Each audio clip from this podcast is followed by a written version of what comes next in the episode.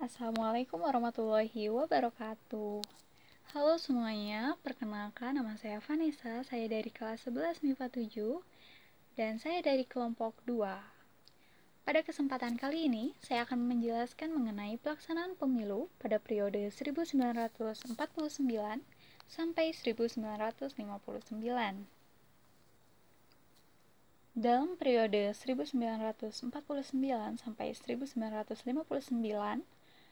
pada periode ini, terdapat 40 partai politik terbentuk dengan tingkat otonomi yang sangat tinggi dalam proses rekrutmen, baik pengurus atau pimpinan partai maupun para pendukungnya.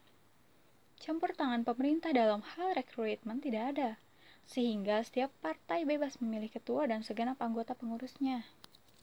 Yang pertama, Sekalipun pemilihan umum hanya dilaksanakan satu kali pada 1955, tetapi pemilihan umum tersebut benar-benar dilaksanakan dengan prinsip demokrasi.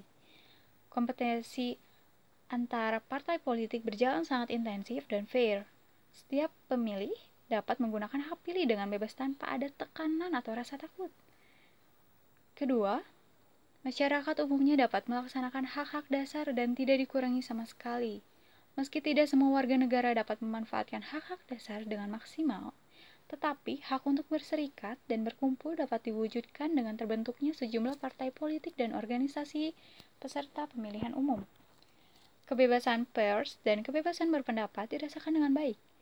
Masyarakat bisa melakukan tanpa rasa takut menghadapi risiko, meski mengkritik pemerintah dengan keras. Contoh Dr. Halim mantan Perdana Menteri menyampaikan surat terbuka dengan kritikan sangat tajam terhadap sejumlah langkah yang dilakukan Presiden Soekarno. Surat tersebut bertanggal pada 27 Mei 1955.